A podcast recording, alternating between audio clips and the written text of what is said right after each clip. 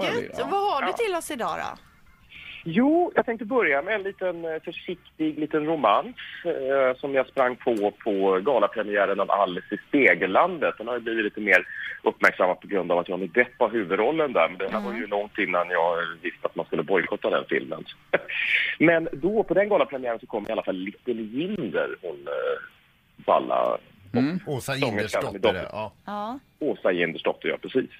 Eh, hon har ju tidigare varit ihop med Nils Tull, eh, ganska okänd kille, men han var ihop med Veronica Maggio förut och spelade i hennes band. ja. Eh, nu kommer hon med Zacharias Zacke Zackrisson. Han är i och för sig helt okänd, men det visar sig att han är lillebror till Lykke Li, så att ja, de håller sig i, i sin lilla popfamilj där, verkar Ja. det som. Kan man säga det. då. Ja.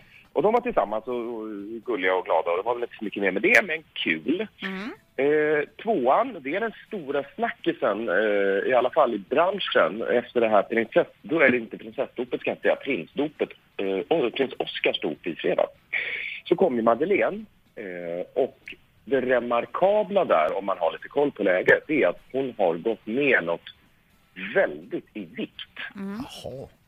Madeleine. Ja, vi satt och jämförde bilder hon måste alltså ha rasat väldigt många kilon för hon var enormt smal det syns väldigt, väldigt mycket i ansiktet. Så att, ja, än så länge är det klädsamt men eh, alltså, jag var ju med på den tiden då, då eh, Victoria gick ner mer och mer i vikt där 97 och kom till Nobelfesten i den här ärmlösa klänningen och det alltså än så länge så är hon ju bara väldigt smal och snygg. Hoppas bara inte att hon har drabbats av någon sån här prinsesssjuka, det vill säga att man liksom vill vara så fräsch som möjligt efter barnafödande och allt. Men med tanke på hur det var med Victoria så tror jag att eh, hela familjen här håller koll på henne. Tror du inte det? Ja, jag tror också det faktiskt. Jag menar, Victoria var ju liksom äldst och hade ingen direkt sån här eh, stora syskonstöttning. Jag tror att Victoria tar ett ansvar i så fall om hon ser att oj, nu börjar du bli väldigt smal och du springer liksom en mil om dagen. Du får tagga ner lite liksom. Precis. Softa och ta en öl som vi brukar säga. Precis.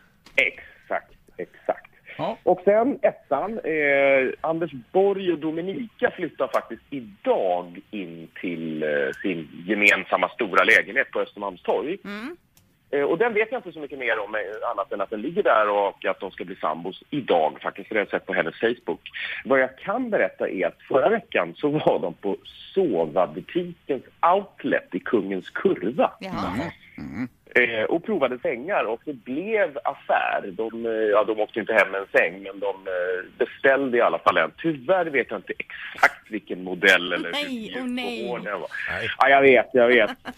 Men du, får man, får man fråga så här, den här lägenheten som du, du eh, vet på ungefär vilken det är va? Vad, vad tror du att den går loss på i runda slängar i pengar? Alltså jag vet faktiskt inte. Jag vet ju bara vad priserna ligger på runt Östermalmstorg eller Östermalm överhuvudtaget. Det är ju hiskeliga pengar. Alltså 100 000 kvadraten, det, jag tror inte det stannar där. Och jag tror inte de har köpt 50 kvadrat heller. Nej. Kanske man måste åka till outleten och köpa sängar. Jag tror att man måste gå och åka till Kungens Kurva och sova i butik. Ja, ja. köpa. Kanske bara en 90-säng, man vet inte. Nej, man vet Ja, aldrig. Ett poddtips från Podplay.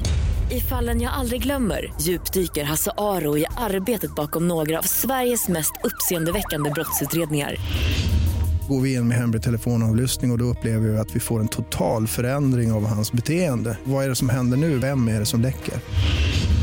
Och så säger han att jag är kriminell, jag har varit kriminell i hela mitt liv men att mörda ett barn, där går min gräns. Nya säsongen av Fallen jag aldrig glömmer på Podplay.